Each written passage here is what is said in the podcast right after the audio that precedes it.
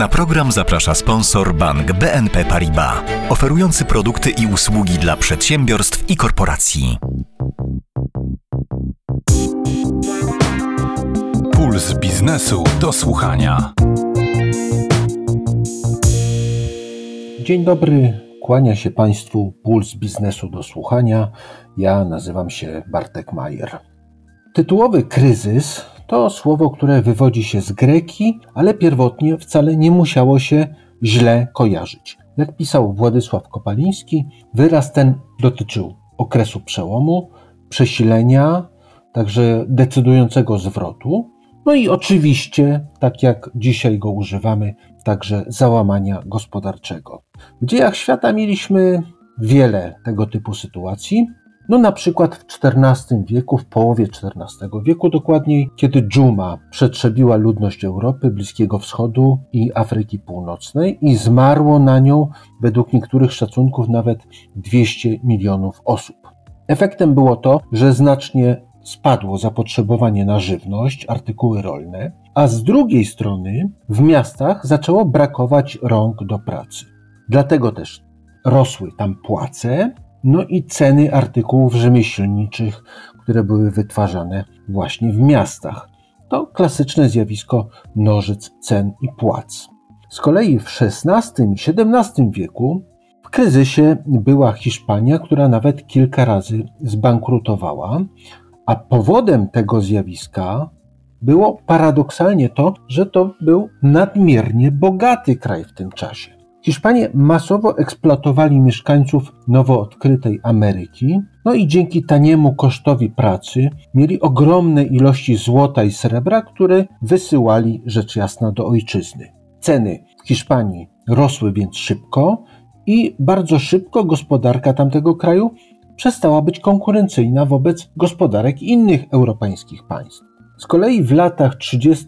XVII wieku mieliśmy słynną tulipanomanię, a w 1857 roku wybuchł pierwszy kryzys, który został uznany za globalny.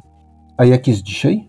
Czy mamy już w Polsce kryzys? Zbliża się, stoi za rogiem, czy może jest wciąż tak daleko, że być może w ogóle nas ominie? Na te pytania odpowiadają nasi dzisiejsi goście. Zapraszam.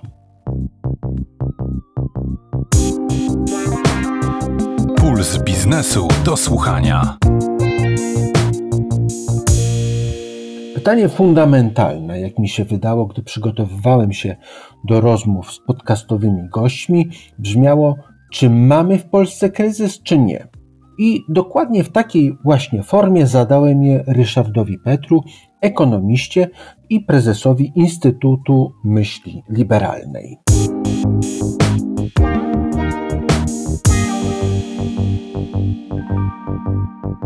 Jeżeli gospodarka nas zwalnia do 0,3-0,4%, no to na tle historycznych wyników, no to jest sytuacja kryzysowa. Mamy dane o sprzedaży detalicznej, które pokazują jednoznacznie, że część firm ma że tak powiem, duże spadki, czyli sprzedaż mamy w niektórych branżach tak niską, że jest to ewidentnie sytuacja kryzysowa i są branże, które jakby trzymają się nad wodą. Mamy wiele branż, chociażby na przykład branżę meblową czy branżę budowlaną, które są w kryzysie. Po prostu e, zamówienia spadły tak drastycznie, że po prostu to jest zupełnie porównywalne z tym, co było kilka lat temu. Niemniej jednak, jak popatrzymy na to makroekonomicznie, to mamy sytuację w sumie jedną z gorszych, jaką można sobie wyobrazić, czyli wzrost gospodarczy koło zera i bardzo wysoką inflację, która jeszcze w kontekście tych programów socjalnych ogłoszonych ostatnio przez PiS raczej nam istotnie nie spadnie. Czyli mamy ryzyko takiej stagflacji, która historycznie patrząc na świat, no może długo trwać, czyli możemy mieć sytuację niskiego wzrostu gospodarczego, i uporczywej inflacji, która bardzo istotnie ogranicza jakby chęć inwestowania i takie bezpieczeństwo co do przyszłości firm i przedsiębiorców. Innymi słowy, gdybyśmy mówili kryzys bądź nie kryzys, można odpowiedzieć to pierwsze kryzys. Kryzys, natomiast część osób może postrzegać, że kryzys następuje nagle z zaskoczenia, że z wstrząsem.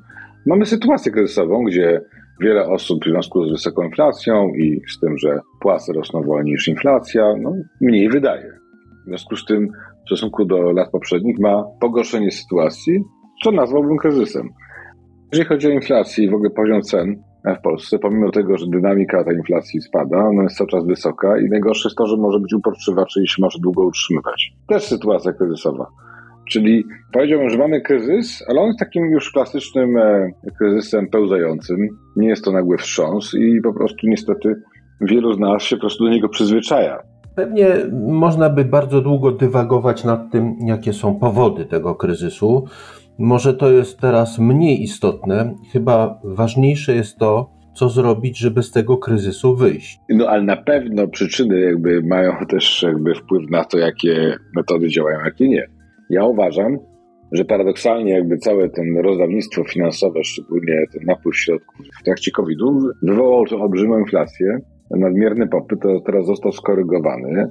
Nie tylko w Polsce, ale na świecie. W Europie wstrzymano wiele programów, które wcześniej wydawano na pobudzenie popytu, ze względu na to, że one generują inflację. Uważa się dzisiaj w dominującej liczbie gospodarek, że kluczową kwestią jest zduszenie inflacji. Historia pokazuje, że uporczywa, wysoka inflacja, i uwaga, wysoka w Europie to jest 6-7%, nie to, co my mamy w Polsce, my mamy bardzo wysoką. Oczywiście to nie jest hiperinflacja z początku lat 90., ale jest to bardzo wysoka inflacja i ona bardzo istotnie ogranicza możliwości normalnego funkcjonowania, no bo cały czas nie wiemy, jaka będzie cena przyszłości, musimy się zmagać z podwyżkami, sami musimy podnosić ceny. Generalnie taka inflacja powoduje, że gospodarka po prostu wolniej się rozwija jeżeli jest uporczywa, staje się takim fundamentalnym problemem. W Polsce mam wrażenie, że nikt tego tak nie postrzega, albo mało kto tak postrzega, jeżeli po stronie władz monetarnych i fiskalnych. Nie widzę jakiejś chęci istotnego zbicia inflacji i oczekiwanie jest takie, że gospodarka jakoś sobie poradzi. Oczywiście 0% to nie jest wzrost ujemny, natomiast zwykle było tak, że jak Europa miała 0, to byśmy mieli na przykład 2% wzrostu. Jak Europa miała 2% wzrostu, to w Polsce było 4-4,5%.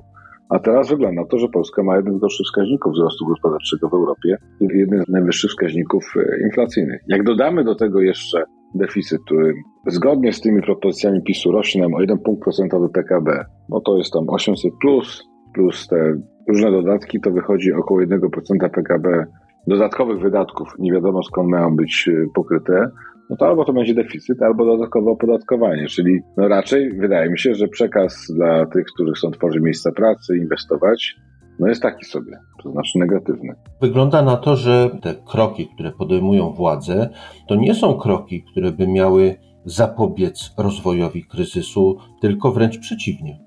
Tak, oczywiście jest tak, że jak zwiększymy popyt chwilowo, to można wzrost gospodarczy wzrosnąć, ale pamiętajmy, że ten popyt z czegoś trzeba sfinansować. No, albo wyższe podatki, które podbiją fundamenty wzrostu, albo też, jeżeli to nie będą podatki, no to będzie dług, dodatkowy dług, który z kolei też będzie dodatkową część e, środków z budżetu zabierał na jego obsługę. Wydaje mi się, że dzisiaj niestety mamy oczywiście do czynienia z e, kampanią wyborczą, wyścigiem obietnic, a to są czynniki negatywnie wpływające na gospodarkę. Nie wiem, gdzie to się skończy oczywiście, Natomiast mam wrażenie, że mamy dzisiaj do czynienia ze wzrostem polityki proinflacyjnej. Jeszcze niedawno, chyba w okresie weekendu majowego, pojawiły się wypowiedzi członków Rady Polityki Pieniężnej, niektórych przyznam, ale pojawiły się takie, z sugestią, że trzeba zacząć obniżać stopy procentowe. To jest w ogóle woda na młyn spekulacji, no bo przy wysokiej inflacji opłaca się brać, kredyt, tylko z kolei ten kredyt napędzi dodatkowy popyt, który z kolei jeszcze bardziej wywoła wyższą inflację. Obawiam się takiego scenariusza. Wydaje mi się, że my spokojnie tu rozmawiamy. Zadał mi pan na początku pytanie, czy jest kryzys, prawda? Czy nawet już jest wątpliwość, czy na pewno jest, a z drugiej strony sytuacja uważam, jest całkiem poważna i może się skończyć jakąś problemami płynności budżetu czy płynności długu publicznego, ale oczywiście dopiero po wyborach. Nie mam wrażenia, aby jakiekolwiek działania były podejmowane, które miałyby uwolnić energię polskich przedsiębiorstw, obniżyć podatki, zderegulować. Raczej mamy sytuację, w której wydaje się więcej pieniędzy, podbija się inflację i oczekuje się, że jakby inflacja globalnie zwolni i w Polsce w związku z tym będzie niższa. A tak nie będzie. Grozi nam inflacja taka 7-8% przez dłuższy okres czasu, co bardzo istotnie będzie utrudniało rozwój gospodarczy, chociażby dlatego, że stopy procentowe będą musiały być wyższe niż w Europie. Dłuższy okres to jest ile? Dłuższy okres no, przyjmuje się dłużej niż rok, ale to może być Załóżmy, że pod koniec roku inflacja będzie jednocyfrowa, ale w tych górnych przedziałach jednej cyfry, czyli bliżej 10 niż 3 oczywiście. I niestety istnieje ryzyko, że ta inflacja tam 6-8% może być przez cały rok przyszły w Polsce, co jest moim zdaniem niestety bardzo realne. Nie jestem w stanie przewidzieć wszystkich działań rządu, nie jestem do końca w stanie przewidzieć, kto wygra wybory i nie jestem w stanie przewidzieć zmienności decyzji prezesa Glabińskiego i RPP. Ale dzisiaj idzie w kierunku wyższej inflacji niż jeszcze nawet w prognozach NBP, braku jakiegoś istotnego ożywienia gospodarczego i niestety obawiam się, że w najbliższych miesiącach kolejne branże będą odczuwać to uderzenie inflacyjne. Rozmawiamy już dłuższą chwilę, ale nie padł do tej pory termin KPO, który wydaje się być receptą na wyjście z kryzysu. Czy w Pana opinii KPO byłoby faktycznie czymś, co wydźwignęłoby nas z tego kryzysu? Nie sądzę, aby to w sposób fundamentalny zmieniło sytuację, ale by wsparło pewne działania innowacyjne, czy tam proinwestycyjne. Natomiast to nie jest czynnik, który jakby wydźwignie nas z kryzysu, to byłby jakby dodatkowy pieniądz. Oczywiście dodatkowy pieniądz, też niewłaściwie wydany, też może się przełożyć e, na inflację. Natomiast mam wrażenie, że w Europie bardzo istotnie wstrzymano część tych działań tego typu proinflacyjnych i wyłącznie próbuje się inwestować w te obszary, które zwiększają wydajność gospodarczą, to jest jednorazowy zastrzyk z zewnątrz, który też pewnego dnia się skończy. A gdyby pan miał jako makroekonomista podać jedną, dwie, trzy recepty na to, żeby wyjść z kryzysu, to co by to było? Paradoksalnie powiedziałbym tak, no, są trzy elementy. Trzeba zdusić inflację wyższymi stopami procentowymi, ograniczeniem popytu, czyli zupełnie coś innego niż teraz się dzieje. Punkt drugi, no deregulacja gospodarki, czyli jednak uproszczenie przepisu istotnie. I trzy, prywatyzacja, czyli nie widzę powodu, żeby Orlen był państwowy, nie widzę powodu, żeby PKS czy PKBP było państwowe i nie widzę powodu, żeby kolejka linowa była państwowa. Jak mamy w trzech punktach, no to zduszenie inflacji, Oczywiście tam jest elementem zduszenia inflacji, stabilizacja finansów publicznych, deregulacja gospodarki i prywatyzacja. Wiem, to brzmi bardzo znajomo, to są lata 90., ale w dużym stopniu rządzący nas zapędzili w sytuację, może nie tak skrajną jak wtedy, ale na swój sposób podobną. To teraz, jeżeli mamy te trzy punkty, to jaka jest perspektywa realizacji każdego z nich? Na dzisiaj jest zerowa i to muszę przyznać. Raczej mamy do czynienia z pomysłami nacjonalizacji. Padła e, w weekend propozycja nacjonalizacji autostrad. Nie wiem, w to formule ma być, bo albo będzie to spór prawny, albo rząd musiałby wykupić te prywatne autostrady, dyskontując przyszłe przychody z e, przejazdów. Trudny temat, żeby się dogadać co do ceny, chyba że zrobi się to w wariancie putinowskim. Albo przy tej cenie, albo w ogóle. Będzie miał problemy. Jeżeli chodzi o duszenie inflacji, no mam wrażenie, że raczej NBP akceptuje inflację 6-7%, co naprawdę jest taką inflacją uporczywą, przyzwyczajamy się do niej i bardzo będzie trudno ją zbić do takiej, której nie zauważamy, która miała miejsce w Polsce około 2% albo nawet momentami poniżej. No i trzecia rzecz, jeżeli chodzi o deregulację, dużo się gada, nawet premier ostatnio mówił o najniższych, najprostszych podatkach. Mam wrażenie, że one są coraz bardziej skomplikowane. Każdy, kto musiał przejść przez wypełnienie PIT-u, albo musiał to zlecić komuś na zewnątrz, żeby sobie już nie mógł radzić, wie, jak to bardzo skomplikowane w Polsce jest. A zamieszanie z Polskim Ładem tylko dodaje tego smaczku. Jak bardzo w ostatnich latach pogorszyła się jakość jakby regulacji. Jakość regulacji oczywiście jest też sądownictwo. Ja tam prowadzę dwa spory gospodarcze, prawne, no to trwa to latami, nie miesiącami. To jest w ogóle koszmar. Jeżeli mówimy o poważnych inwestycjach, no to bardzo wiele firm przy dużych inwestycjach pisze wprost w umowach, że chce spory nazywać na prawie angielskim, nie na prawie polskim. No to nie o to nam chodziło przecież 30 lat temu, czy tam 20 lat temu, żeby do tej sytuacji doprowadzić, że prawo polskie przestało być przewidywalne, ale tutaj jest raczej piłka po stronie Ministerstwa Sprawiedliwości niż po stronie przedsiębiorców. No, nie jest to optymistyczny wniosek, tym niemniej na tym musimy zakończyć. Bardzo dziękuję za rozmowę. To ja dziękuję bardzo. Naszym rozmówcą był makroekonomista Ryszard Petru, prezes Instytutu Myśli Liberalnej. Puls biznesu do słuchania. Nasz pierwszy gość, który jest makroekonomistą i ma takie makroekonomiczne spojrzenie z lotu ptaka, nie ma większych wątpliwości co do tego, że kryzys mamy. Ale zupełnie inna może być perspektywa przedsiębiorcy, który przecież twardo na ogół stąpa po ziemi i ma taki punkt widzenia. Czy biznes uważa obecną sytuację za kryzysową? O to zapytałem Łukasza Bernatowicza, prezesa Związku Pracodawców BCC i eksperta tej organizacji.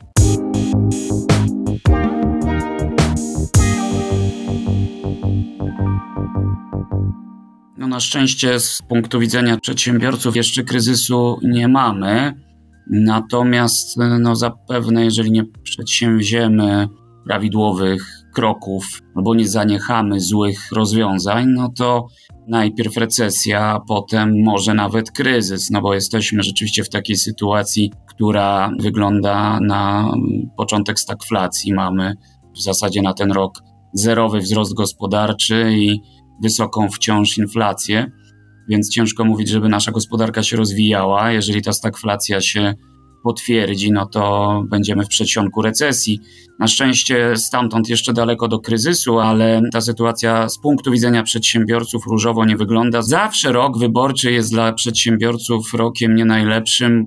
Po tych deklaracjach, obietnicach z weekendu, które usłyszeliśmy po kongresie partii rządzącej, no to ciężko być optymistą, będąc przedsiębiorcą, ze względu na to, że to przedsiębiorcy na koniec płacą rachunek za te obietnice polityków. No i wygląda na to, że tym razem będzie tak samo, no bo to, o co my zawsze pytamy, czy to w Radzie Dialogu Społecznego, czy w innych gremiach, to skąd wziąć pieniądze, jak sfinansować te obietnice wyborcze.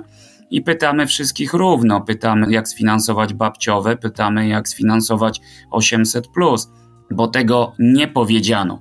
A co nas najbardziej niepokoi w tym kontekście, to to, że 8 maja Rada Dialogu Społecznego na plenarnym posiedzeniu omawiała wieloletni plan finansowy Polski. Referowała ten plan pani minister finansów, uzupełniał to wiceminister finansów, była debata, były pytania, była dyskusja. No i ani słowem tam nie wspomniano o wydatkach dotyczących 800. Więc to nas najbardziej niepokoi, no bo pytanie, czy w związku z tym należy założyć, że resort finansów sam nie wie nic na temat tego pomysłu, a zwłaszcza o źródłach jego sfinansowania. Więc to jest bardzo niepokojąca kwestia, bo albo będziemy się na tę okoliczność dalej zadłużać, albo ktoś straci, jakaś grupa społeczna, zawodowa straci, żeby znaleźć pieniądze na to oświadczenie, no albo podniosą nam podatki, no albo może wreszcie wjadą całe na biało środki z KPO, ale, ale w to niestety wątpię. Pan prezes Kaczyński nie wczoraj, co prawda, ale jakiś czas temu mówił dosyć jasno i klarownie o tym, skąd pieniądze bo przecież wspominał o tym, że PiS nie ma żadnego sezamu, z którego bierze pieniądze, tylko po prostu, żeby je rozdać komuś, to musi komuś innemu zabrać. I trudno chyba tutaj znaleźć bardziej trafne określenie.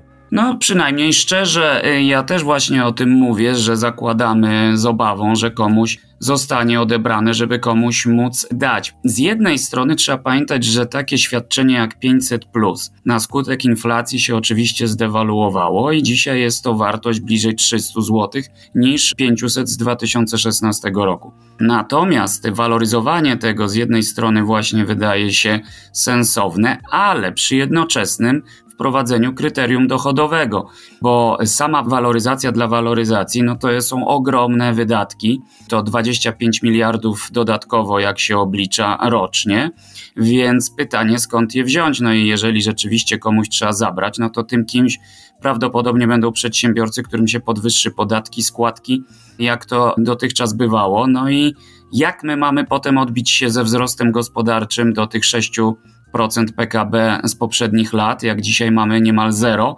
jeżeli przedsiębiorcy zostaną dorżnięci, mówiąc brzydko. A mamy tutaj taką sytuację, że rząd ma taką krowę, posługując się pewną alegorią w postaci tych przedsiębiorców i powinien o tę krowę dbać, bo ją doi. I żeby ta krowa była wyżywiona, zadowolona, szczęśliwa i dawała więcej mleka, to trzeba o nią dbać a tymczasem rząd po prostu sprawdza, ile ta krowa zniesie, jak się jej w ogóle nie dożywi, jak się jej odetnie wszelkie, że tak powiem, pożywienie. Krowa jest coraz chudsza, no ale jeszcze może ją wydoimy.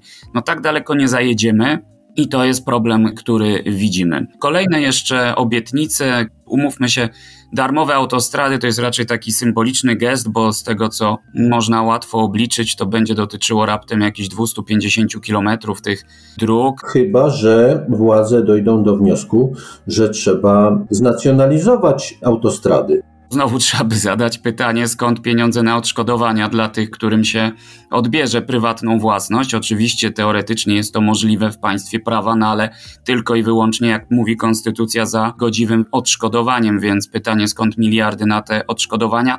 Mam nadzieję, że jednak to dotyczy tylko tych dróg, za które odpowiada Generalna Dyrekcja Dróg Krajowych i Autostrad, a nie prywatnych autostrad w Polsce. Natomiast niepokojące bardzo są też te obietnice dotyczące darmowych leków. Darmowe leki dla seniorów 75 plus już funkcjonują. Jest to program dosyć drogi i z tego co wiemy, resort zdrowia zastanawiał się, ile będzie kosztować obniżenie progu do 70 lat.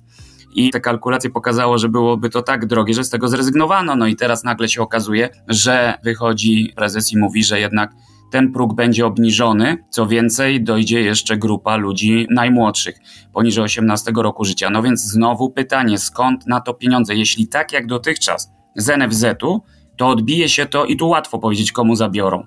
No zabiorą nam wszystkim, którzy korzystamy z publicznej służby zdrowia, bo taki manewr odbije się w sposób dramatyczny na finansowaniu służby zdrowia przez NFZ. On po prostu nie ma pieniędzy jako instytucja na wszystko, o czym mówimy, więc gdzieś te pieniądze będzie musiał zabrać, gdzieś ta kołdra będzie krótsza. No więc wiemy, jak funkcjonuje służba zdrowia w Polsce. Ciężko sobie wyobrazić, że może funkcjonować jeszcze gorzej, a do tego zmierzamy. Właściwie w pierwszym zdaniu pan powiedział, że z punktu widzenia przedsiębiorców kryzysu nie ma ale z wszystkiego, co Pan powiedział potem, wynika, że ten kryzys jest no, tuż za rogiem. Co by musiało się stać, żeby można było powiedzieć, tak, z punktu widzenia przedsiębiorców, już faktycznie mamy kryzys? No, ja wolę nie mówić, co by się musiało stać, bo to wywoływanie wilka z lasu więc może w tym kierunku nie idźmy. Ja bym raczej wolał mówić, co trzeba zrobić, żeby tego uniknąć, bo rzeczywiście, tak jak pan redaktor powiedział, za rogiem czai się kryzys, jeżeli wszystko pójdzie w tym kierunku, o jakim mówią politycy. Może do tego dojść. Ja powtarzam, że po drodze jest jeszcze na szczęście tak zwana recesja, więc zanim przejdziemy do kryzysu, zgodnie z definicjami z ekonomii, na razie jesteśmy w przedsionku tej recesji, no ale nie sprawdzajmy, jak blisko jest do ewentualnego pogorszenia się stanu gospodarki.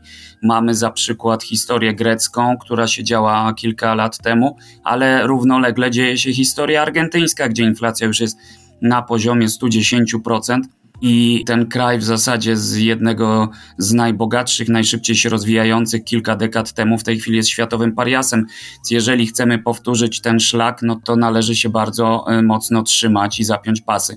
To, co trzeba zrobić, żeby tego uniknąć, no recepta jest banalna, no banalna i ona jest na stole od dwóch lat. Weźmy środki z KPO, przestańmy się wygłupiać i wpompujmy je w naszą gospodarkę, która wymaga tego, domaga się tego jak sucha gąbka wody bo tak naprawdę na koniec dnia no to my współfinansujemy jako członek Unii środki z KPO dla wszystkich pozostałych krajów, no bo dług został zaciągnięty solidarnie, wszystkie kraje członkowskie go spłacają i jako jedyni w zasadzie z tego nie korzystamy, no przecież to jest paranoja i z tym trzeba jak najszybciej skończyć, zwłaszcza, że konkurencja z innych krajów nam odjeżdża, a nasi przedsiębiorcy nie mogą modernizować, cyfryzować, robotyzować swoich zakładów pracy, czy firm, no bo tych środków ciągle nie ma. To byłby bardzo fajny, dobry impuls dla gospodarki, pomógłby w walce z inflacją, na trwałe umocniłby złotówkę i tak dalej. No więc to są same plusy. No a kolejne elementy to po prostu racjonalnie prowadzona w zasadzie polityka gospodarcza, niepopulistyczna, niedemagogiczna, chociaż w roku wyborczym powtarzam, jest y, ciężko się takiej polityki spodziewać, ale jeżeli szybciej by się udało zdławić inflację, no to, to gospodarka by odetchnęła i miałaby perspektywy na rozwój. No, trzeba wspomnieć o braku rąk do pracy, to też jest bardzo ważna kwestia i ta odwrócona piramida demograficzna, z którą mamy do czynienia, powoduje, że w perspektywie ciężko nam się będzie odbić, bo my nie mamy potencjału. Jak nie ma komu pracować, ujmując rzecz eufemistycznie, no to ciężko o dobrobyt więc my tracimy pół miliona pracowników rocznie z rynku pracy. To jest bardzo ostrzegawczy sygnał, bardzo zły i tu też trzeba coś zaradzić, więc pozytywna polityka racjonalna, jeśli chodzi o gospodarkę, środki z KPO, no i coś trzeba robić w demografii i wtedy jest szansa, że unikniemy najgorszego. Dziękuję panu pięknie za rozmowę. Naszym rozmówcą był pan Łukasz Bernatowicz, który jest prezesem Związku Pracodawców BCC. Dziękuję jeszcze raz. Dziękuję uprzejmie.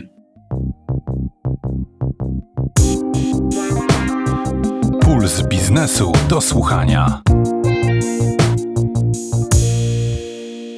Nie zapominajmy, że rolnictwo to też biznes, chociaż dosyć specyficzny. Z przedstawicielem tego sektora również porozmawiałem i zapytałem go o kryzys na wsi. Przed Państwem Michał Kołodziejczak, przewodniczący Agrounii.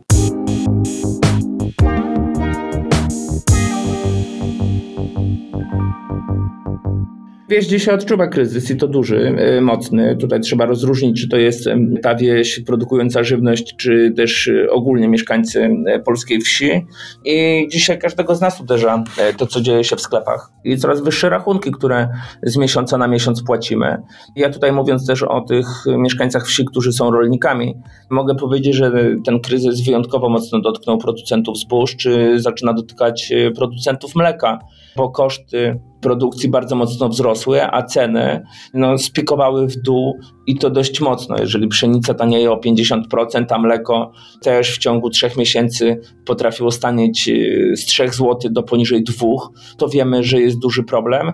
Przy zakupie drogich nawozów półtora roku temu i magazynowaniu ich nawet na dwa lata w gospodarstwach, bo takie były też prośby Ministerstwa Rolnictwa, żeby kupić więcej nawozu, bo może być jeszcze droższy, to przy tych dzisiejszych spadkach cen możemy mówić, że jest duży problem. W czym pan upatruje powodu tego kryzysu, który tak dotyka wieś? Jeżeli mówimy o tym kryzysie chociażby ekonomicznym gospodarstw rolnych, to musimy jasno powiedzieć, że przyczyn jest co najmniej kilka.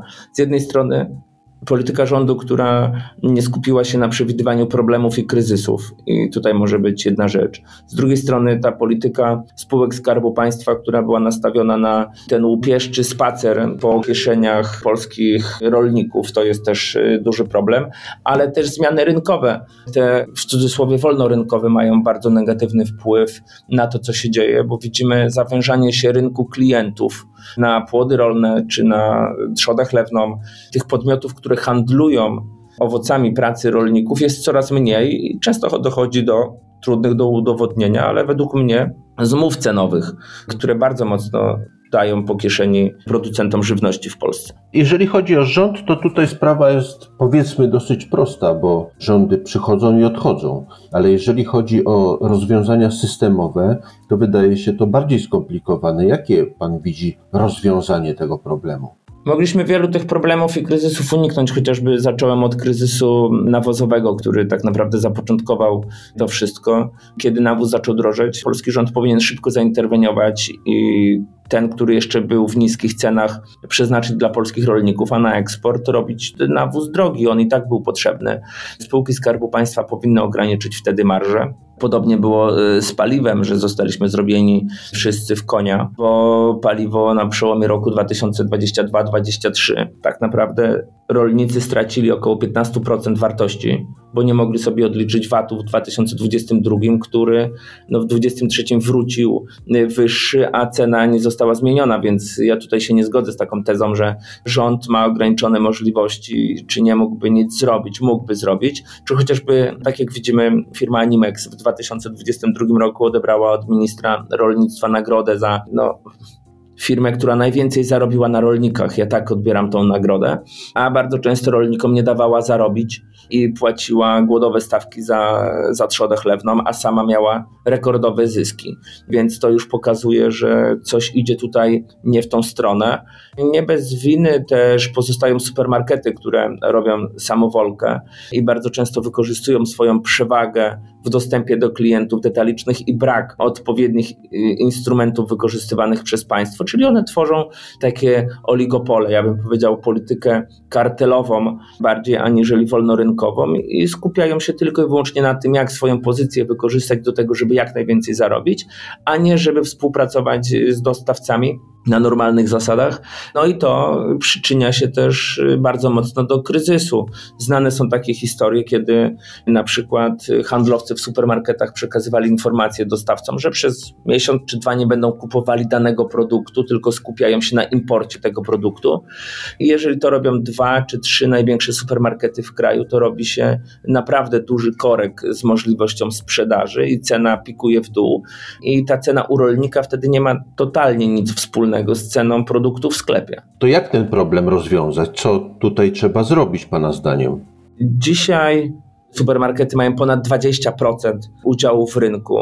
Tak jak jeden z największych, czy inne gdzieś tam przybijają 10% trzeba postawić im odpowiednie ograniczenia, czyli nie mogą kupować danego produktu tylko od jednego dostawcy, bo to wypacza rynek i tak naprawdę faworyzuje tylko jedną firmę z danej branży, często strategicznej. Ja zrobiłbym, że jeden dostawca nie może dostarczać więcej niż 20% strategicznego produktu, czyli innymi jest to schab, nabiał, warzywa czy owoce. Wtedy rozbilibyśmy ich na mniejsze podmioty, czy inaczej na większą ilość, bo to wcale nie są mniejsze podmioty, które mogłyby ze sobą dobrze konkurować i budować taki realnie wolny rynek rynek. Ja też powiązałbym cenę końcową w sklepie z ceną początkową. Nie może być takiej sytuacji, że dany produkt kosztuje u producenta 50 groszy, a w sklepie płacimy za niego 3 czy 4 zł. To jest naprawdę duże, duże przebicie to bardzo radykalne zmiany. To właściwie jest przewrócenie tego, co istnieje w tej chwili do góry nogami. No ewidentnie widać, że ta formuła dzisiaj obecna y, wyczerpała się. Jeżeli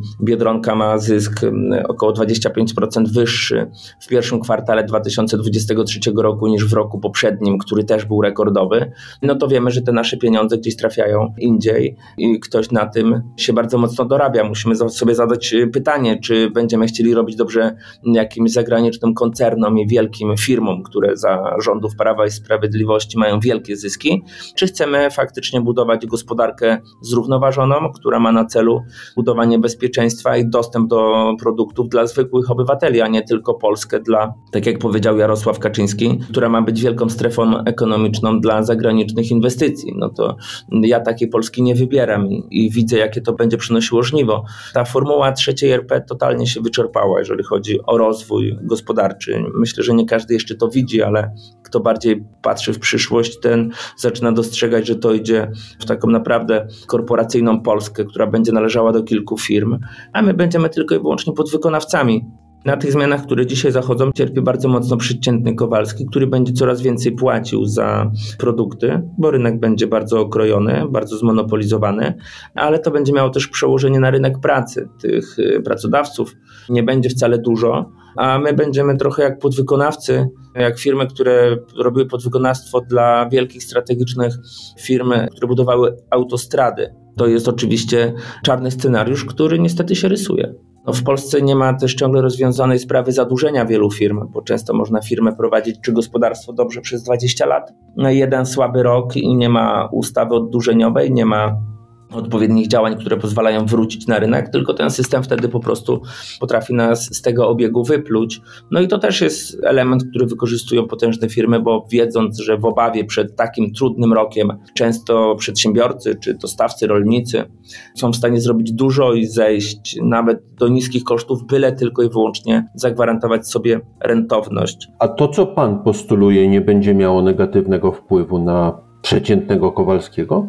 Jeżeli dzisiaj supermarkety tworzą hiperdostawców, którzy mają potężny wpływ na ten rynek produkcyjny i tak naprawdę go monopolizują, to nie ma nic gorszego dla rynku niż monopol, który się tworzy, bo jest zabijana z czasem konkurencja, więc ja chciałbym tylko i wyłącznie uratować normalny, wolny rynek, który będzie funkcjonował bez wypaczeń i będzie budował dla normalnego Kowalskiego bezpieczeństwo, czyli nie tworzymy jednej firmy, tylko tworzymy kilka firm, które będą mogły działać w momencie jak na przykład COVID-u, co było, jeżeli jakaś firma całkowicie wypadła z obiegu. Dziękuję panu pięknie za rozmowę. Naszym gościem był pan Michał Kołodziejczak, który jest przewodniczącym AgroUnii. Dzięki. Puls biznesu do słuchania. Mieliśmy już pracodawców, pora na pracowników. Oni również, a może nawet przede wszystkim oni mogą odczuwać skutki kryzysu. Jak obecną sytuację ocenia Piotr Ostrowski, przewodniczący Ogólnopolskiego Porozumienia Związków Zawodowych?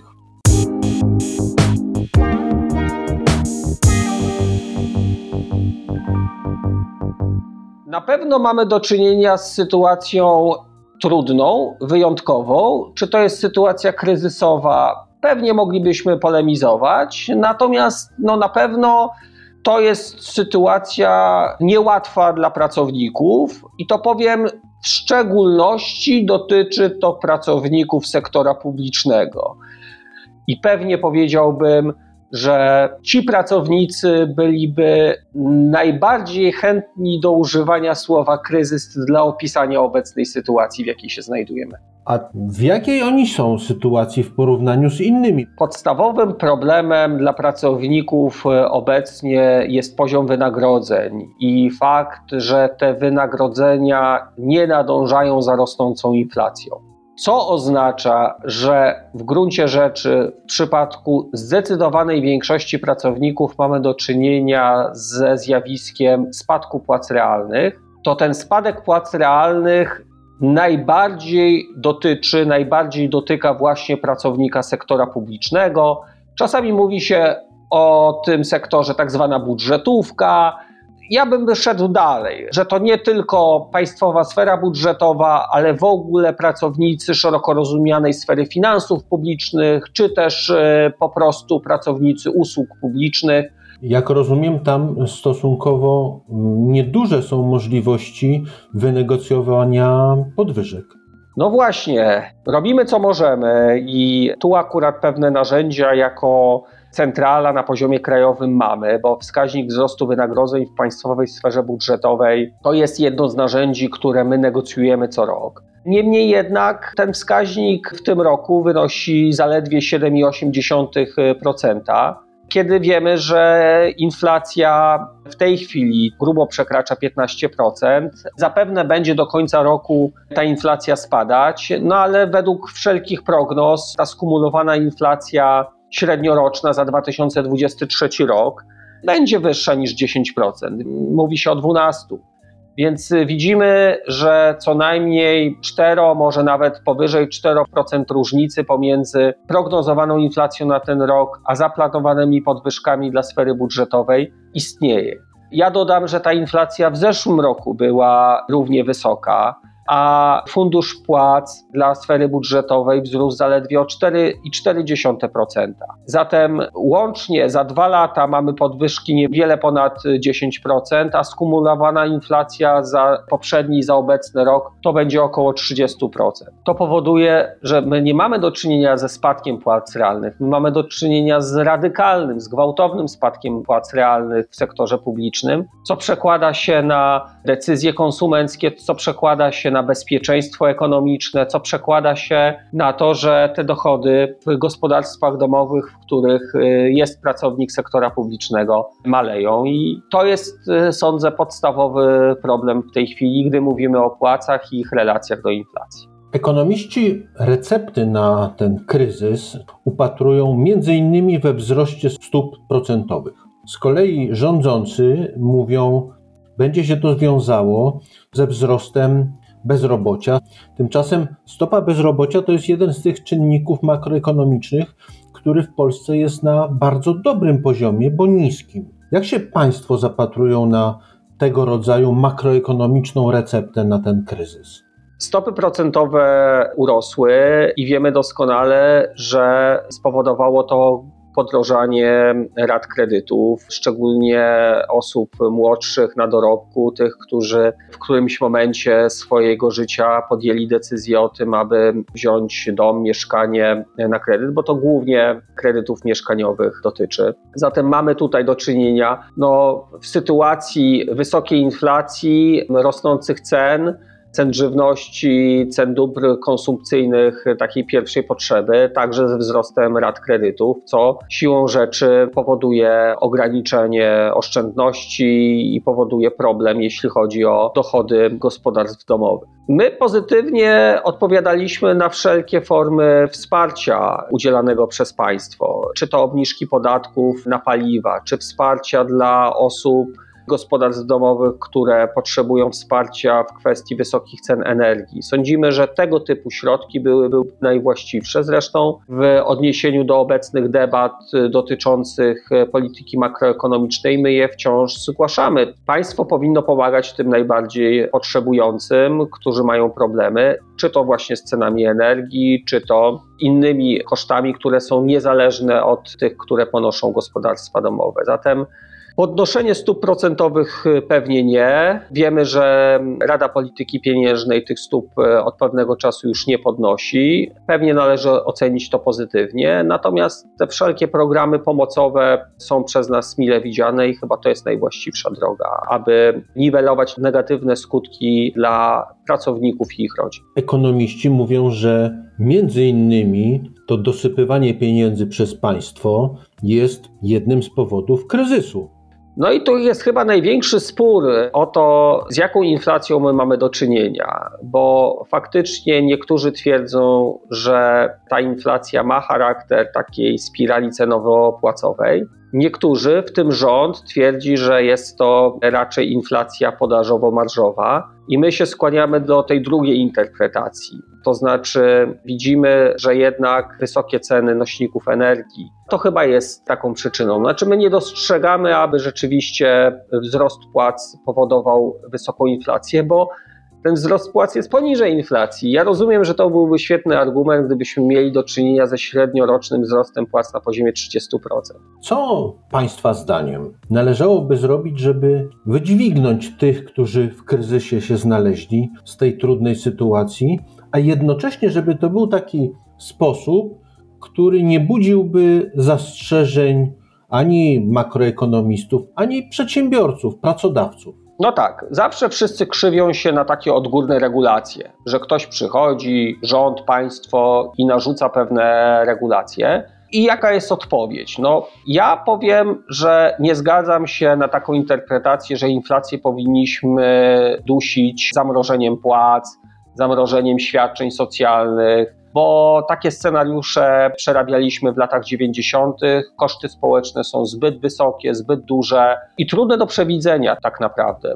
To co w zamian? No właśnie, czyli jeżeli z jednej strony nie chcemy, aby były jakieś państwowe regulacje, z drugiej strony, i to nawet mówią przedsiębiorcy, zgadzamy się co do tego, że ten poziom życia powinien być utrzymywany, że siła nabywcza wynagrodzeń pracowników powinna być godziwa, powinna być utrzymywana w ryzach. Przedsiębiorcy też są realistami. My uważamy, że najlepszym rozwiązaniem są układy zbiorowe pracy, czyli porozumienia zawierane dwustronnie pomiędzy związkami zawodowymi i pracodawcami. Czy to na poziomie przedsiębiorstw, najlepiej na poziomie sektorowym, branżowym, po to, aby już bez ingerencji trzeciej strony, to ci, którzy bezpośrednio są partnerami w stosunkach pracy, wynegocjowali najlepsze warunki, biorąc pod uwagę kondycję finansową przedsiębiorstwa, jej pozycję rynkową, możliwości i też to, co się dzieje wokół tych przedsiębiorstw, czyli to makroekonomiczne zjawisko, jakim jest inflacja. Też sytuacja na lokalnym rynku pracy powinna być brana pod uwagę i tak dalej, i tak dalej. Czy przedsiębiorca ma potencjalnych chętnych na rynku pracy, czy nie ma? No to są niuanse, które w ramach takich negocjacji na poziomie mezo czy na poziomie mikro powinny być rozstrzygane.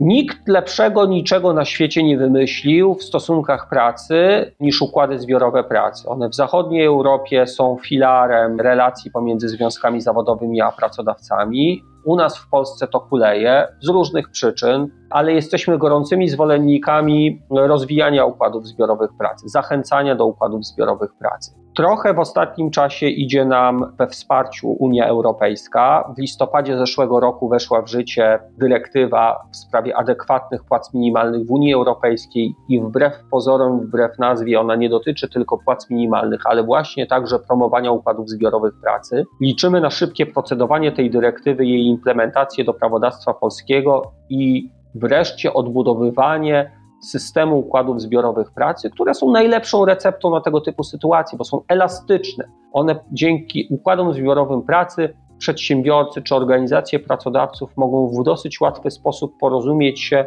co do pewnych rozwiązań, które nagle pojawiają się, które wymagają lepszego dostosowania przy zachowaniu pokoju społecznego. I oto jest kolejna recepta na kryzys. Bardzo panu dziękuję za rozmowę. Naszym gościem był pan Piotr Ostrowski, który jest przewodniczącym OPZZ. Dziękuję. Bardzo dziękuję. Puls biznesu do słuchania.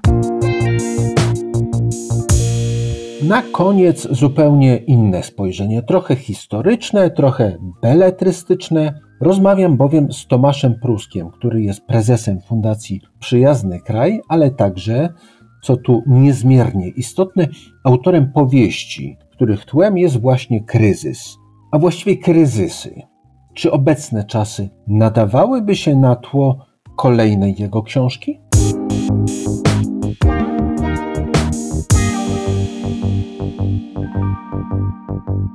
Moim zdaniem żyjemy w otoczeniu kryzysowym.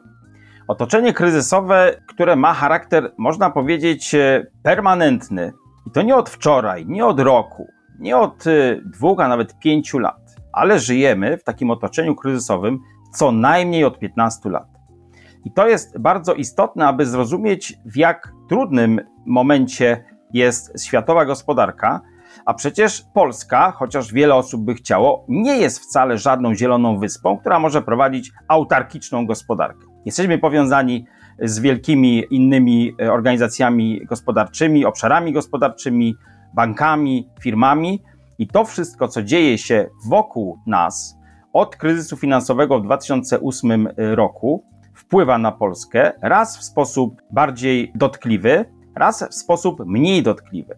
I kiedy zobaczymy, w jaki sposób Polska, nasza gospodarka, sektor bankowy, inwestorzy giełdowi reagowali na wydarzenia takie szczytowe poprzednich kryzysów, to trzeba powiedzieć jednak, że emocje brały górę. Kiedy w 2008 roku, 15 września, upadł słynny amerykański bank inwestycyjny z Wall Street Lehman Brothers, mieliśmy na rynkach finansowych panikę. Panikę, która w zasadzie trwała przez ładnych kilka tygodni, ponieważ upadł bank, o którym dzisiaj byśmy powiedzieli too big to fail, zbyt duży, aby upaść. Ale przed tym jeszcze nikt o tym nie wiedział.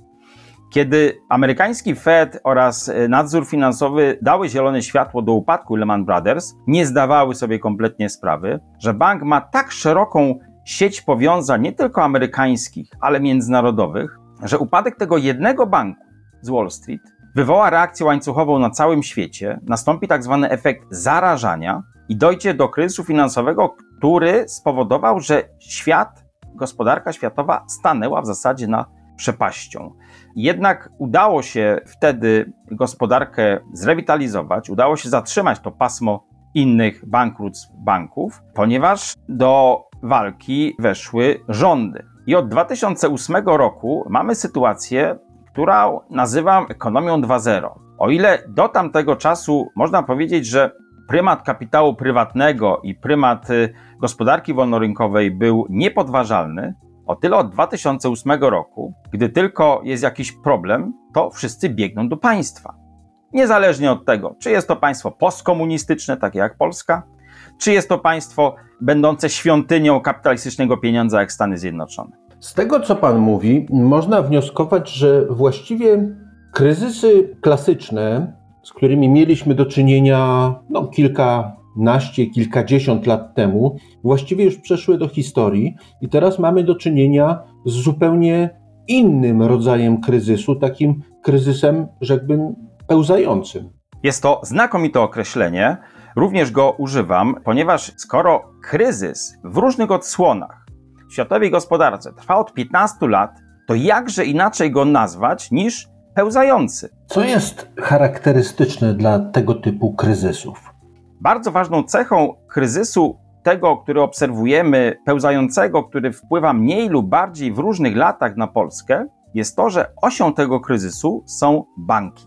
Banki, które przeszły bardzo dużą ewolucję od 2008 roku i które można powiedzieć co roku coraz bardziej na różnego rodzaju mniejszych czy większych kryzysach się wykrwawiają. Niemniej, jeżeli byśmy chcieli poszukać przyczyn tego, to musimy się cofnąć nie tylko o 15 lat, ale cofnijmy się o ponad 15 lat, nawet do lat 30. zeszłego wieku, kiedy w Stanach Zjednoczonych podczas wielkiego kryzysu uchwalono ustawę Glass-Steagall Act. Ustawę, która fundamentalnie zmieniła układ sił w gospodarce amerykańskiej, ponieważ doprowadziła do rozdzielenia działalności banków inwestycyjnych od banków komercyjnych. Czyli mówiąc wprost, nie można było pieniędzmi obywateli z depozytów bankowych spekulować na Wall Street. I to była ustawa, która sobie spokojnie przez kilkadziesiąt lat porządkowała całą gospodarkę amerykańską. Ale jak to bywa z ustawami, nie tylko w Polsce, czasem zaczyna taka ustawa komuś przeszkadzać. Zaczyna być tworzone lobby. A jeżeli to lobby dysponuje ogromnymi wpływami i pieniędzmi, tak jak lobby bankowe w Stanach Zjednoczonych, to może dojść do sytuacji, kiedy taka ustawa zostanie w końcu uchylona. I to stało się pod koniec lat 90. zeszłego wieku przy okazji chęci połączenia dwóch banków mających dwa różne profile działalności. Z jednej strony Citicorp, czyli bank uniwersalny, z drugiej strony Travelers, czyli bank inwestycyjny. Gdyby ustawa Glass-Steagall Act dalej funkcjonowała, te banki nie mogłyby się połączyć. Ale lobbyści doprowadzili do uchylenia tej ustawy, zastąpienia jej inną i zielone światło dla wielkich fuzji w sektorze bankowym, czyli do budowania, wróćmy do tego pojęcia banków too big to fail, została otwarta. Kolejne lata to okres, gdy banki rosły, rosły, rosły, wykonywały coraz bardziej skomplikowane i coraz bardziej ryzykowne operacje na rynku papierów wartościowych, ryzykując w coraz większym stopniu depozytami ludności. W zasadzie od roku 98-2000 do roku 2007-2008 to bardzo tłusty okres dla banków, w szczególności amerykańskich, które doszły do wniosku, że zarabianie na zwykłych kredytach, czy to dla ludności, czy dla przedsiębiorstw, jest takie mało sexy, można powiedzieć przynosi niewielkie marże, trzeba się przy tym narobić, zysk niewielki, premie i bonusy dla zarządów oraz zarządzających niewielkie. Na czym można zarobić? Na spekulacjach na rynkach finansowych. A co do tego jest potrzebne? Do tego potrzebne, szanowni państwo, jest inżynieria finansowa. Inżynieria finansowa, która jest w stanie stworzyć instrumenty, które dla przeciętnego zjadacza chleba nic nie mówią, a mogą śmiertelnie mu ostatecznie zagrozić. I takim instrumentem były amerykańskie obligacje hipoteczne, CDOsy, które były takimi obligacjami, w których, mówiąc obrazowo, znajdowały się poszatkowane amerykańskie kredyty hipoteczne. Dodajmy, udzielane na lewo i prawo lekką ręką. W Stanach Zjednoczonych kredyty hipoteczne można było dostać nie mając ani pracy, ani żadnych dochodów, ani żadnych y, aktywów. Wystarczyło po prostu być. Legendarne historie o tym, że w Stanach Zjednoczonych y, pęd do kredytowania był tak wielki, że można było dostać kartę kredytową na psa, to wcale nie są żarty. Istotnie Ameryka oszalała na punkcie kredytów, w szczególności kredytów hipotecznych, ale także kredytów konsumpcyjnych. Wiele banków zrobiło z tej maszynki produkowania CDOsów genialny biznes. Kiedy tych CDOsów było niedużo na rynku, można powiedzieć, że problem nie był zbyt dostrzegalny. Ale kiedy ich emisje urosły w setki miliardów dolarów, które znajdowały się na książkach zarówno banków, jak i wielkich innych instytucji finansowych, ale także na przykład gmin w Skandynawii albo uczelni wyższych w Wielkiej Brytanii, które nie były kompletnie świadome tego, co mają, bo interesowało ich tylko jedno, tak zwane AAA, potrójne A, czyli rating. Jeżeli bank inwestycyjny, taki jak Lehman Brothers, emitował CDO, to wtedy dawał im również swój rating, który posiadał. I nabywca nie pytał się już, co jest pod spodem, czy ktoś te hipoteki spłaca, czy nie spłaca. To było potrójne A, oczekiwał wypłaty odsetek i koniec. I to się, szanowni państwo, skończyło 15 września 2008 roku. Kiedy popatrzymy na kolejne odsłony tego kryzysu finansowego, banki również miały w nim ogromny udział. Bo kiedy się zakończył już i gospodarka światowa pozbierała się mniej więcej po kryzysie finansowym 2008 roku, nagle wybuchł kryzys w strefie euro. 2010-2012 strefa euro stanęła nad przepaścią, ponieważ okazało się, że niektóre państwa, mówiąc delikatnie, pożyczyły więcej niż powinny i nie potrafiły tego za bardzo obsługiwać, a pod spodem ściągalność podatków była tak niewielka, że w zasadzie wszystko opierało się na jednym wielkim zaufaniu.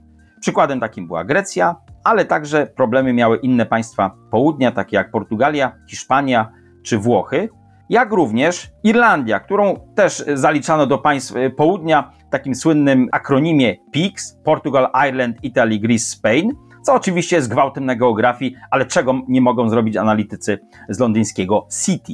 Zatem te państwa były pogrążone w długach, ale kto te długi posiadał? To jest bardzo ważne pytanie. Oczywiście ekspozycja na te długi miały banki. Banki, które były pokiereszowane przez kryzys finansowy 2008 roku i które miały w swoich portfelach ogromne ilości obligacji, na przykład greckich. Zatem mamy drugą odsłonę kryzysu finansowego, który jest kryzysem bankowym. I banki są również głównymi aktorami tych wydarzeń. Nie tylko głównymi aktorami, ale też głównymi winowajcami kryzysu, który dzieje się od 15 lat. Chciwość banków, zarządów, zarządzających, ale także akcjonariuszy liczących na dywidendy rzeczywiście była ogromna. Wystarczy tylko przypomnieć słynnego prezesa banku Lehman Brothers Dicka Fulda, który przez niespełna 10 lat zarobił prawie pół miliarda dolarów. Można by też wysnuć jeszcze jeden wniosek. Czarny poniedziałek, czy inna czarna data, z jakimi mieliśmy do czynienia jakiś czas temu, właściwie już się nie zdarzy, dlatego że nie będzie jednego momentu, jednego dnia, czy nawet jednego tygodnia,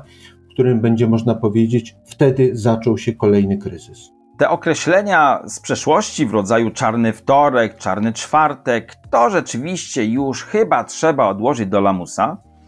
Dzisiaj najbardziej niebezpiecznym okresem w tygodniu jest, uwaga, weekend. Władze monetarne i władze z nadzoru finansowego wpadły na genialny pomysł, i to już zaczęło się właśnie od roku 2008, aby najtrudniejsze, najbardziej dotkliwe, najbardziej krwawe decyzje ogłaszać właśnie w weekend. Dlaczego? Ponieważ ogłaszanie tego w trakcie tygodnia, kiedy handluje się na giełdach akcjami, obligacjami, walutami itd., tak mogło powodować gigantyczne wstrząsy w trakcie sesji i emocje wtedy brały górę. Kiedy upadł Lehman Brothers? Upadł w poniedziałek, 15 września 2008 roku. Zdecydowano o tym w weekend. Kiedy podjęto decyzję o przejęciu Credit Suisse przez UBS? W niedzielę.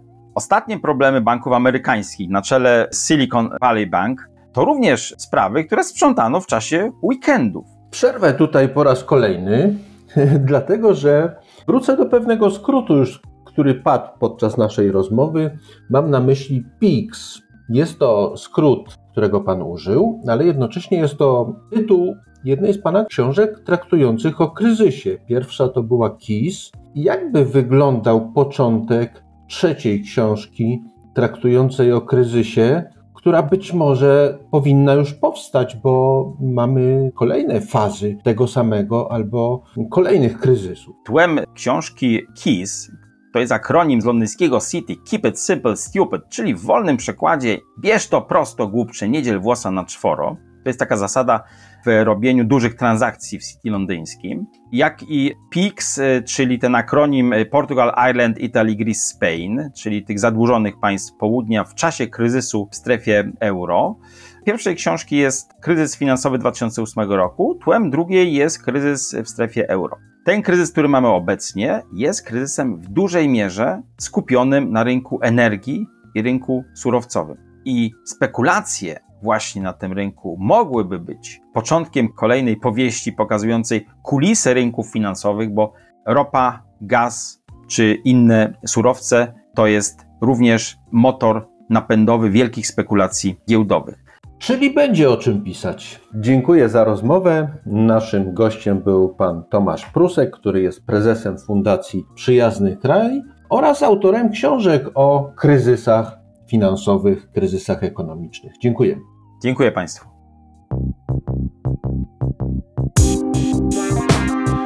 Puls biznesu do słuchania. Mam wrażenie, że wśród naszych rozmówców, choć reprezentują bardzo różne środowiska i mają bardzo różne punkty widzenia, przeważa opinia, że mamy w Polsce kryzys. Największym optymistą w tym gronie jest przedstawiciel biznesu. Myślę, że to zaskakująca, ale też budująca konkluzja, z którą dzisiaj Państwa zostawiam. I oczywiście zapraszam na za tydzień na kolejny puls biznesu do słuchania. Dziękuję pięknie, do usłyszenia. Bartek Majer. Puls biznesu do słuchania. Na program zapraszał sponsor bank BNP Paribas, oferujący produkty i usługi dla przedsiębiorstw i korporacji.